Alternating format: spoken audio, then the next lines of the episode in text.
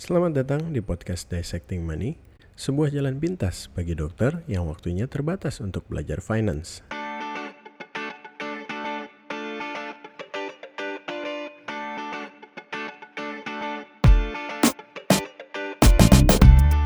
Selamat pagi, selamat siang, selamat sore, selamat malam Money Dissectors. Kembali lagi di episode podcast Dissecting Money dan sekarang kita udah di episode yang ke-17, saya kasih judul Can Money Make You Happy? Tentu saja dengan host Anda yaitu saya Dr. Jeff Tatobing dan kita mau bahas sebenarnya bisa nggak sih uang itu membuat kita bahagia? Konsepnya bagaimana sih? Namun sebelumnya saya selalu mau ingatkan bahwa jangan lupa cek website di www.dissectingmoney.com dan jangan lupa untuk subscribe juga di situ ada tab-tabnya untuk subscribe. Karena kalau sejawat dan pendengar subscribe untuk email newsletter dan saya cuma kirim paling hanya satu blog post per minggu maksimal dua per minggu. Jadi mudah-mudahan nggak akan memenuhi inbox sejawat dan pendengar sekalian nggak terlalu mengganggu. Tapi kalau misalnya sejawat subscribe itu sangat membantu kredibilitas website untuk longevity-nya atau untuk uh, jangka panjangnya nanti. Jadi please do dan kalau misalnya teman-teman mempercayakan email tersebut ke saya, saya akan kasih dua bonus yaitu video tutorial budgeting dan ebook perdana Dissecting Money yang judulnya Pitfalls of Investing Among Doctors. Dan jangan lupa kalau ada yang punya pertanyaan yang mau dibahas di podcast ini atau bahkan yang mau langsung rekam suaranya untuk ditampilkan pertanyaannya di podcast ini, boleh kalau misalnya mau kirim email ke editor at dissectingmoney.com. Kalau mau yang kirim rekaman suara langsung, boleh ke speakpipe.com slash dissectingmoney. Sekarang sejauh ini saya masih menunggu nih, karena belum ada yang kirim pertanyaan dalam bentuk voice note. Dan saya sangat menanti, dan mudah-mudahan bisa uh, dalam waktu dekat ini ada yang bertanya di speakpipe, dan bisa di play di sini di podcast ini dan kita dan saya bahas menjadi satu episode atau mungkin satu episode bahas beberapa pertanyaan dari sejawat maupun pendengar sekalian. Dan kalau misalnya sejawat um, mengikuti social media dari Dissecting Money, baik itu di Instagram maupun Twitter uh, ataupun TikTok, mungkin ada yang lihat uh, itu semua usernya sama at Dissecting Money. Dan mungkin ada yang notice bahwa belakangan ini saya ada sedikit kolaborasi uh, dalam bentuk komik gitu ya dengan salah seorang kenalan saya yang kebetulan merupakan seorang ilustrator gitu dan menawarkan diri untuk bantu saya dan kita bikin uh, komik yang storyboardnya ceritanya itu tentang personal finance. Jadi hal-hal sederhana yang bisa dilakukan atau bisa terjadi di eh, hari-hari sekarang ini. So make sure to check that out. Dan uh, di situ juga ada usernya siapa ilustratornya jadi kalau ada yang tertarik dan pengen dirinya digambar, karikatur, pengen punya cerita yang pengen dijadikan komik untuk konten di social media ataupun lain sebagainya, boleh cek di Instagram maupun Twitter, di situ ada. Nanti tinggal cari aja kolaborasi saya dengan beliau. Untuk sejauh dan pendengar yang sedang mendengarkan, entah ini lagi di perjalanan, ke menuju rumah sakit, perjalanan dari rumah sakit menuju pulang, ataupun sambil olahraga di rumah karena sekarang lagi musimnya olahraga di rumah karena nggak bisa olahraga di gym, akhirnya ya harus rajin olahraga di rumah. It's very good, so keep yourself healthy. Dan saya mau ingetin, pokoknya jangan lupa in everything that you do, I wish you uh, safe. Wash your hands, don't touch your face, and please send my love to the rest of your family. Oke, kita masuk ke pembahasan episode kali ini. Can money make you happy? Nah, pertanyaan besar nih untuk orang-orang di luar sana, untuk semua orang sebenarnya. Karena uh, backgroundnya gini kan selalu ada premis yang kita tahu bahwa money can't buy happiness gitu. Uang itu nggak akan pernah bisa membelikan kita kebahagiaan. Lah terus mungkin jadi orang berpikir lah terus lo ngapain dong Jeff bikin suatu blog, bikin suatu um, let's say content yang isinya itu judulnya aja dissecting money gitu. Ada duit di situ. Artinya mau mencoba bedah uang. Artinya kan lu jelas-jelas mau ngomongin duit. Nah ini sedikit backstory-nya gitu ya bahwa saya buat dissecting money ini bukan justru karena saya cinta uang gitu. Dan itu udah pernah saya omongin di beberapa episode sebelumnya gitu ya bahwa the way I was brought up gitu. Jadi cara saya dibesarkan dan dalam hubungannya dengan pandangan saya mengenai uang, saya itu justru belajar untuk tidak mencintai uang sama sekali. gitu. Dan dan menurut saya sih ya itu kreditnya ya untuk my parents gitu. Karena well kalau ada yang dengar cerita di awal-awal walaupun mereka konservatif dari segi pandangan mereka mengenai investasi gitu ya hanya mikir properti nggak nggak pernah tahu saham dan lain sebagainya. Tapi menurut saya uh, the way I was brought up itu it was very priceless. Karena mereka orang tua saya ayah dan ibu saya membentuk cara pandang saya akan uang yang saya pegang sampai sekarang. Dan intinya adalah jangan cinta uang, jangan jadi budak uang gitu. Dan itu yang saya pegang sampai sekarang. Jadi selama saya bertumbuh sampai sekarang, view on money, my view on money adalah uang itu sumber ketamakan. Uang itu sumber kehancuran gitu ya. Dan mungkin beberapa dari sejawat dan pendengar ada yang punya pemikiran yang sama kayak saya gitu. Karena menurut saya uang itu sangat bisa mengubah kepribadian orang sangat mengubah uh, pengambilan keputusan dari seseorang sehingga seumur umur saya hidup ya saya benci gitu dengan yang namanya uang. Karena itu betul-betul bring someone's worst out gitu. Jadi kepribadian terburuk seseorang tuh bisa muncul hanya karena kecintaan atau keinginan akan uang balik lagi tadi kenapa namanya dissecting money dong dissecting itu sebenarnya bukan sok-sok kriptik gitu ya. Saya bukan mau sok-sok keren terus sok-sok karena saya surgeon, orthopedic surgeon, artinya terus ya sok-sok membedah uang gitu. Enggak, saya literally mau bedah uang sampai habis habis-habisan dibedah pokoknya saya mau pelajari mengenai uang dan bagikan ke sejawat dan pendengar sekalian supaya tahu how it works, supaya tahu gimana sih cara uang bekerja, bagaimana sih sifatnya uang supaya Tadi karena saya tidak mencintai uang dan saya membenci efek daripada uang terhadap seseorang membuat orang jadi tamak, jadi rakus, jadi mengorbankan orang lain sering kali gitu. Supaya itu tidak bisa mengontrol saya, makanya saya mau mempelajari mengenai uang. Jadi jangan salah, bukan karena saya cinta, justru karena saya I don't want money to have control over me. Nanti kita akan bahas nih mengenai apa sih maksudnya money uh, taking control of me gitu. Nanti saya akan uh, bahas lebih lanjut. Tapi saya mau cerita dulu bahwa belakangan ini ada beberapa hal, beberapa bacaan, beberapa ilmu gitu ya yang saya temukan yang bukan merubah tapi membantu membentuk view saya tentang money sehingga akhirnya saya membentuk dissecting money ini. Jadi bukan bukan berubah total gitu 180 derajat tapi justru ada beberapa hal yang nyetir saya gitu. Oke, pandangan lu terhadap uang itu seperti dapat batasan-batasan baru lah gitu dan uh, ini adalah beberapa hal yang saya baca dan sangat membantu cara pandang saya tentang uang belakangan ini. Yang pertama saya baca dari blog. Blog ini dimulai tahun 2011 namanya Mr. Money Mustache. Kalau ada yang tertarik lihat blognya boleh di www.mrmoney mustache tapi mustache-nya nggak pakai o jadi mustache uh, mrmoneymustache.com dan di salah satu blog postnya dia dia bilang gitu loh bahwa lu jangan munafik. Kalau kita ngomongin financial independence it is about money and about the freedom that it can give you. Jadi ini tentang uang. Tapi sebenarnya bukan semata-mata mengenai uangnya tok tapi kita lagi mikir justru tentang kebebasan apa yang bisa diberikan uang ke dalam hidup kita. Nah, jadi bingung kan? Tadi nggak mau cinta uang gitu, membenci uang. Tapi sekarang justru ngomongin tentang kebebasan yang bisa diberikan uang kepada kita. Nanti kita bahas lebih mendalam.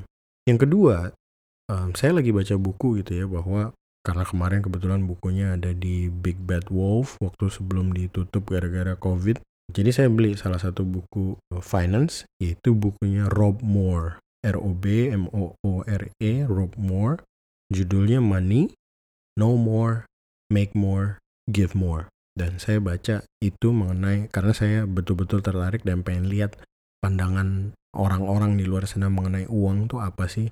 Dan surprisingly gitu ya, di buku itu di awal-awal jelas dibilang bahwa kalau pertanyaan premisnya adalah money can't buy happiness, di situ dibilang itu enggak, saya enggak setuju. Money does make you happy.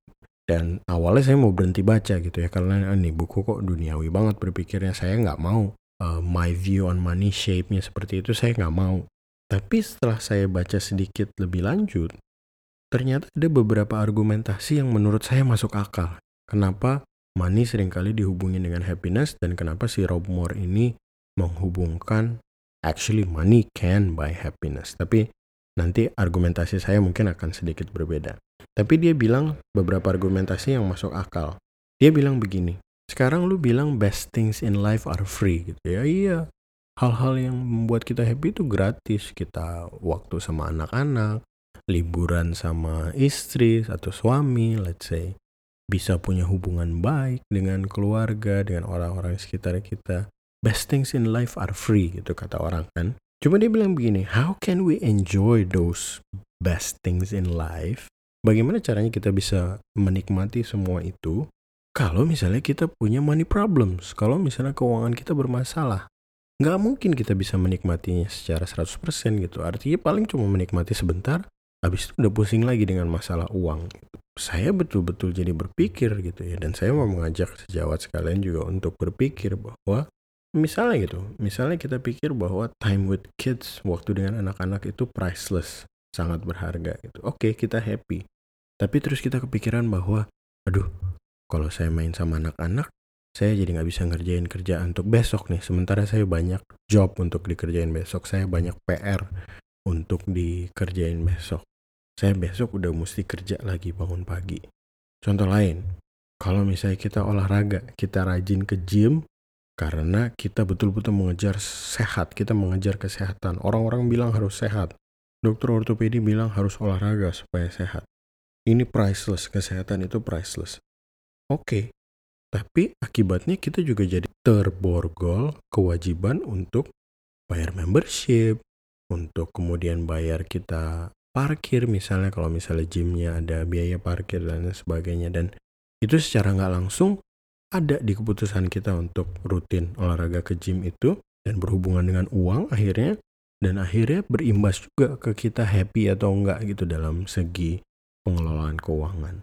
Atau misalnya contoh yang lebih in lagi nih, wanderlust. Orang yang suka bilang, oh I am a wanderlust gitu ya. Saya suka traveling, pokoknya traveling freak deh gitu. Karena saya mau menikmati hidup ini saya mau melihat sebanyak mungkin hal di dunia ini dan yang menurut saya nggak nggak ada salahnya gitu.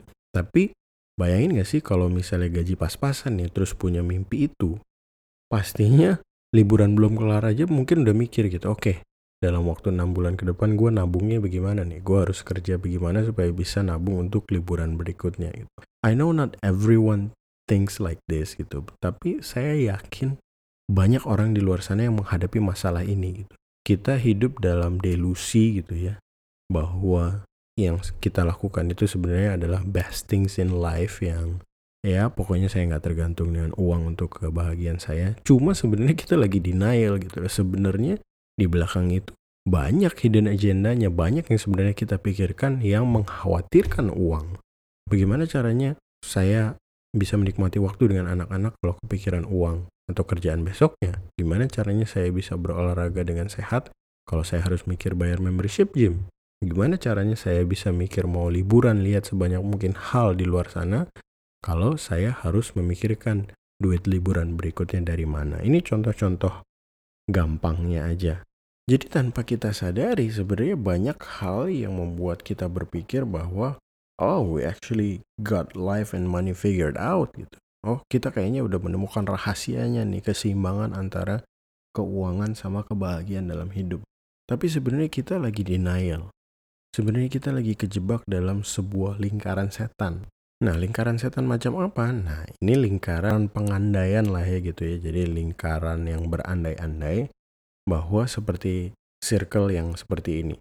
Jadi kita harus bekerja di satu titik we have to work and then we earn money, we get money karena kita sudah mengorbankan waktu kita untuk bekerja, makanya kita dapat duit. And then from that money we try to buy happiness. Dari duit itu kita mencoba untuk membeli beberapa hal yang merepresentasikan kebahagiaan kita gitu. Beli mobil, rumah, beli olahraga, membership supaya sehat, traveling gitu. Intinya hal-hal yang bisa membuat kita uh, menetralisir gitu loh. Tadi kita stres kerja, akhirnya kita mau coba beli happiness itu. Jadi tadi lingkarannya, kita bekerja, kita earn money, kita dapat duit, kemudian uang itu kita pakai untuk membeli dalam tanda kutip kebahagiaan uh, di dalam kehidupan kita. Nah tapi karena namanya lingkaran nggak berhenti di situ. Karena kita sudah menggunakan uang untuk buy happiness tadi, kemudian kita berpikir lagi bahwa oke, okay, untuk next happiness gue harus kerja lagi. Karena nggak mungkin dong stop di sini. Pasti gue nature-nya semua orang itu adalah mau bahagia terus. Sehingga in order for us to buy happiness again, we have to work some more.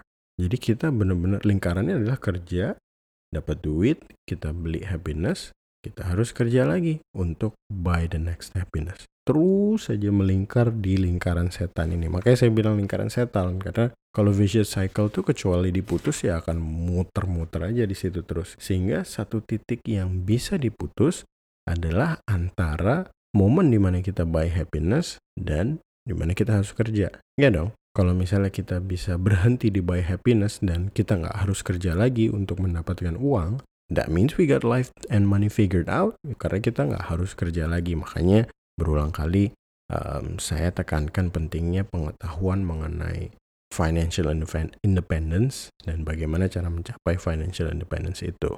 Dan itulah sebenarnya cara memutus rantai itu gitu di antara buy happiness dan keharusan untuk bekerja lagi supaya kita bisa dapat duit lagi dan akhirnya bisa buy happiness lagi.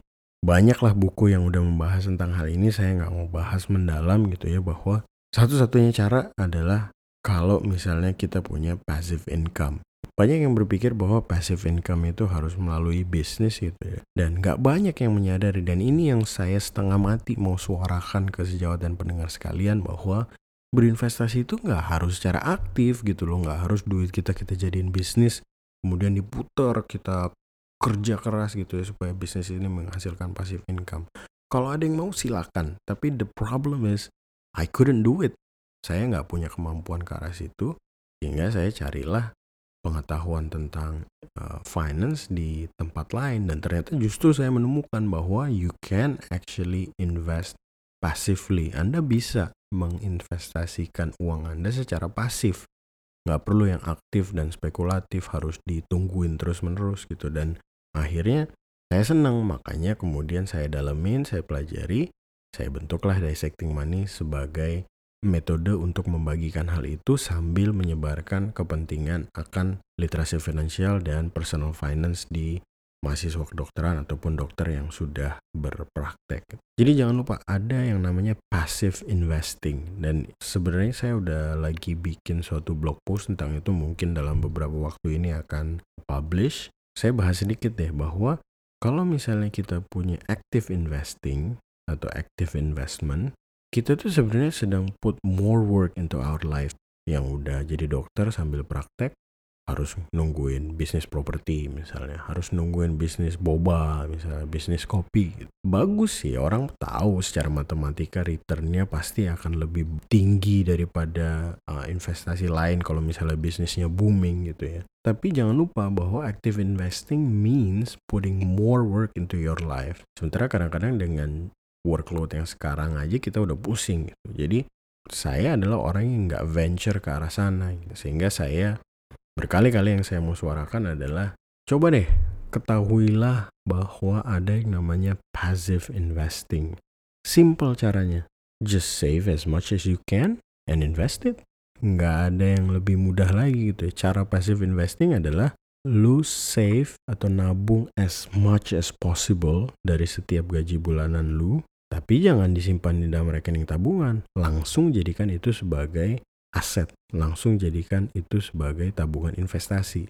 Makanya kalau saya ngomong tabungan, tar dulu nih, harus tahu dulu tabungan artinya uang di dalam rekening tabungan biasa atau tabungan investasi. Dan di dalam video budgeting yang saya share kalau jadi subscriber pun itu tabungan investasi. Kita bukan ngomong tabungan di bank, bahkan tabungan di bank itu bisa nggak ada sama sekali. Kalau kita udah punya dana darurat tentunya dan udah pernah dibahas di podcast, di blog juga ada dibahas. Kalau dana daruratnya udah aman, lanjutkanlah dengan atur personal finance kita, budgeting dengan baik, tahu savings rate kita berapa per bulan, sehingga kita bisa dengan lifestyle yang masih below our means, artinya masih yang di bawah rata-rata untuk orang sepenghasilan gaji kita maksudnya rata-rata lifestyle kita itu kita bisa maintain serendah mungkin then we can save more. Artinya kalau kita simpen duit lebih banyak, bulan ini lebih banyak dari bulan kemarin, bulan depan lebih banyak dari bulan ini, dan seterusnya. Artinya kita akan building aset perlahan-lahan. Karena setiap kali tabungan kita itu kita terima, kita jadiin aset. Entah itu saham, entah itu obligasi dalam bentuk saham lepasan, atau obligasi asli, atau dalam bentuk reksadana, terserah gitu. Dan yang penting adalah kita sadar bahwa uang itu jangan disimpan sebagai uang aja. Itu harus dijadikan sebagai aset. Dan bagaimana caranya kita mau building aset kalau misalnya pengeluaran kita belum terkontrol. Kita bahkan nggak tahu duit kita keluar tiap bulan berapa. Savings rate kita itu per bulan berapa. Kadang-kadang ada yang nggak budgeting sama sekali. Jadi tabungan tergantung aja bulan ini duitnya habis atau enggak gitu. Bukan begitu caranya gitu. Bahwa itu semua harus di set dari awal sehingga kita bisa ke arah passive investing tadi. Simple sekali. Just save as much as you can and turn it into asset. Simpan uang sebanyak mungkin dan jangan di rekening tabungan. Ubah itu jadi aset atau dalam arti investasikanlah uang Anda tersebut. Jadi makanya saya sampai mulut berbusa saya tekankan berkali-kali. Know where your money goes. Lu harus tahu pengeluaran kalian itu berapa setiap bulan. Nggak mungkin bisa ngatur keuangan kalau pengeluaran nggak tahu berapa setiap bulan. Tahu savings rate, rasio tabungan Anda itu setiap bulan berapa persen. Yang bagus adalah 20 persen minimal. Dokter sebenarnya justru punya kesempatan lebih gitu. Karena dengan pendapatan yang orang bilang tidak tetap, artinya kadang kita punya pendapatan rendah, kita kadang punya pendapatan lebih. Udah aja set lifestyle-nya di pendapatan yang paling rendah, jadi kalau bulan depan kita dapat lebih, savings rate kita justru naik. Jadi it's a matter of seeing it as an opportunity or seeing it as a problem gitu. Banyak orang melihat bahwa pendapatan dokter tidak tetap itu adalah suatu masalah. Menurut saya enggak, justru itu adalah suatu peluang, peluang besar. Artinya pertahankan lifestyle kita di bawah pendapatan kita yang paling rendah. Begitu pendapatan kita naik, jangan naik lifestyle-nya. Justru savings rate-nya yang ditambah. Artinya aset Anda bulan itu akan lebih banyak baik dalam bentuk lot saham kayak surat obligasi kayak unit reksadana kayak terserah silakan atur masing-masing. Makanya saya nggak pernah secara aktif mengharuskan sejawat untuk investasi di A, B, C gitu ya. Enggak yang penting prinsip-prinsipnya itu tahu. Jadi jangan sampai kemakan lifestyle itu juga penting saya omongin berkali-kali terutama untuk dokter yang baru lulus atau dokter spesialis yang baru lulus. Kalian itu sedang jadi target utama para burung bangkai di dunia penyedia jasa keuangan gitu. Karena sebentar lagi lu punya gaji gede dan lu nggak tahu gimana cara ngatur lifestyle below your means dan akhirnya ya udah deh jadi korban penipuan, korban investasi bodong dan lain sebagainya. Always try to convert your saving into assets setiap bulan. Itulah pentingnya makanya harus budgeting. Kembali lagi ke poin utama saya bahwa semua ini is not about loving money. Semua ini bukan tentang mencintai uang. Justru nih yang saya jabarkan ini, ini adalah us taking control of our money. You taking control of your money. Kenapa? Karena kalau enggak, kalian yang akan dikontrol oleh uang. Kemungkinannya cuma dua itu di dalam hidup ini. Antara kita didikte, kita diatur sama uang, atau kita pelajari sampai kita bisa, atur uang kita. Makanya saya pilih tadi nama dissecting money. Gue nggak mau tuh yang namanya ternak uang atau segala macam uh, melipat gandakan uang, kasih janji yang muluk-muluk. Enggak. Justru kalau saya dapat uang, saya akan bedah. Karena saya pengen tahu uang ini sifatnya gimana dan bagaimana dia bekerja. Saya mau mengerti apa yang akan dia lakukan, apa yang akan dia lakukan kalau dia sedang bekerja, dan lain sebagainya. Jadi this is not about loving money. This is about taking control of your money. Kalau dapat duit, send them back out to work. Kalau misalnya dapat duit, jangan ditabung, tapi langsung kirim keluar jadikan mereka aset untuk bekerja mencari uang lebih untuk Anda. Ini yang disebut making your money work for you. Dan ini ada di semua buku finance. Jadi simple aja sebenarnya. Karena saya nggak mau dikontrol uang, tadi saya bilang saya benci uang, I grew up hating the concept of money. Sekarang justru saya mengubah itu menjadi oke, okay, nggak, I have to take control. Makanya saya senang caranya passive investing ini, gitu, metodenya passive investing. Karena betul-betul caranya tuh nggak ambisius, caranya tuh nggak spekulatif nyari cuan sebanyak-banyaknya, tapi caranya simple. Justru kita kontrol kehidupan kita, lifestyle kita, pengeluaran kita, save as much money as possible, tapi bukan menjadi suatu ketamakan gitu ya. Tapi justru kita langsung put it aside. Langsung kita keluarin dari tabungan kita, jadi di luar daripada duit yang kita pegang dan kita jadiin aset. Jadi setiap bulan begitu aja, masuk duit, keluarin jadiin aset. Biarin mereka bekerja untuk kita.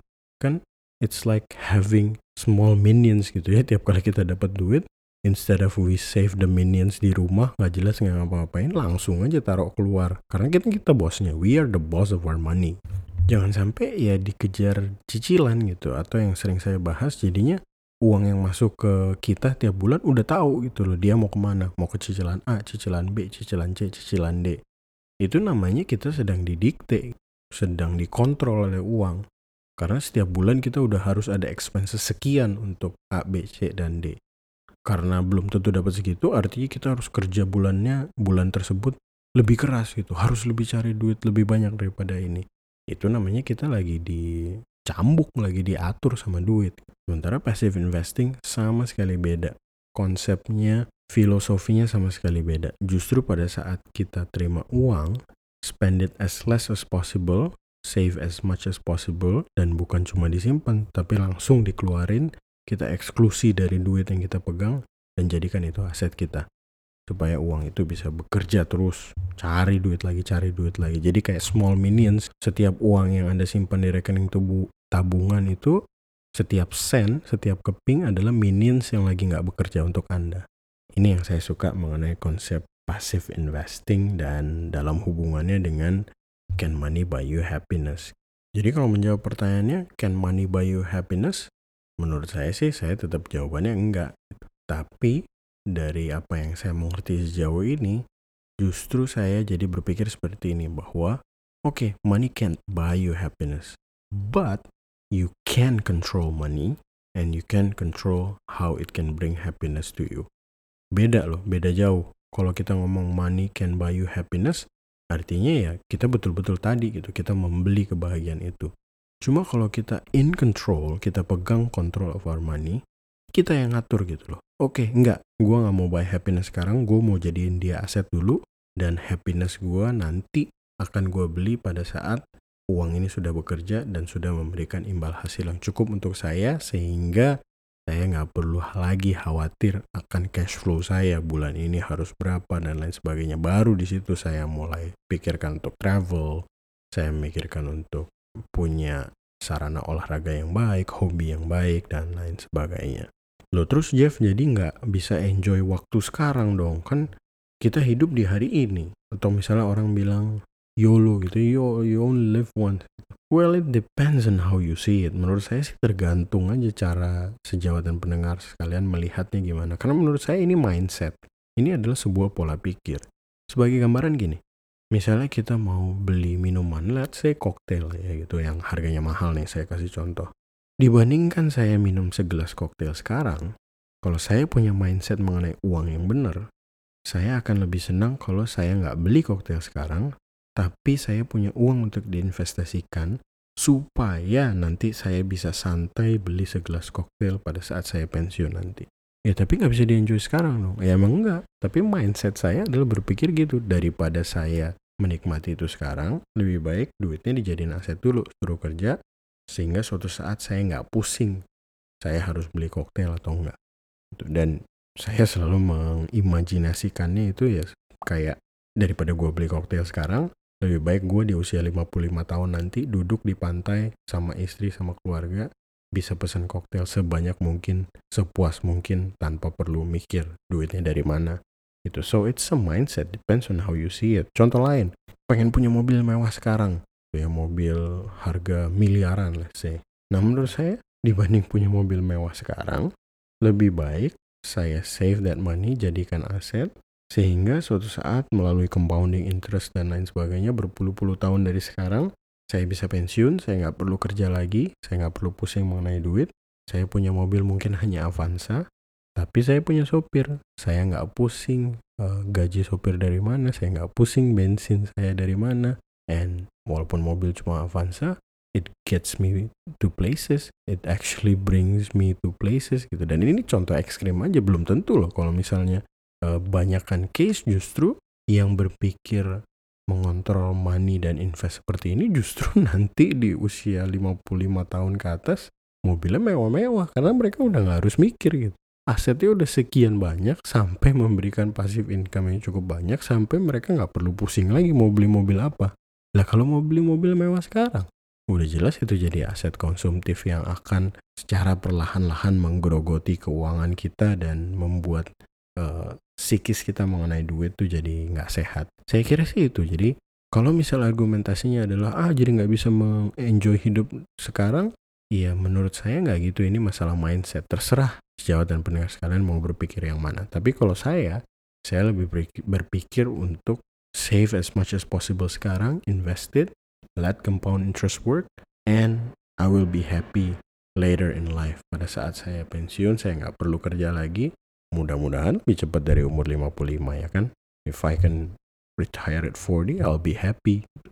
Itu aja mungkin yang saya mau bagikan. Jadi um, mudah-mudahan menjawab gitu ya pertanyaan awalnya can money make you happy dan walaupun mungkin ambigu nggak jelas sebenarnya uang ini sebenarnya bisa memberikan kita kebahagiaan atau enggak tapi menurut saya yang penting sejauh dan pendengar sekalian tahu konsepnya you have to be in control of your money jangan sampai kita yang didikte kita yang dipecut sama uang sehingga kehidupan kita tergantung dari berapa uang yang kita dapat bulan ini jangan sampai kayak gitu Justru, if you're in control of your money, you can actually know how to buy happiness, how to be happy, how to enjoy time with the family, how to enjoy things yang tadi katanya best things in life are free.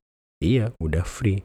Karena sekarang kita udah punya cukup aset sampai kita udah nggak perlu pusing lagi mengenai pendapatan, baru kita bisa enjoy things in life that are free. Itu aja yang saya mau bagikan kepada sejawat dan pendengar sekalian. Mudah-mudahan bermanfaat membentuk cara berpikir sejawat dan pendengar sekalian tentang uang dan kebahagiaan. Jangan lupa kalau ada yang mau kasih komentar, saran, pertanyaan, kritik, boleh kirim email ke editor at dissectingmoney.com atau ke speakpipe.com slash dissectingmoney. Sampai ketemu di episode podcast berikutnya. Belajar finance itu tidak mesti rumit dan merepotkan. Jadi, Kenapa nggak kita buat sederhana aja?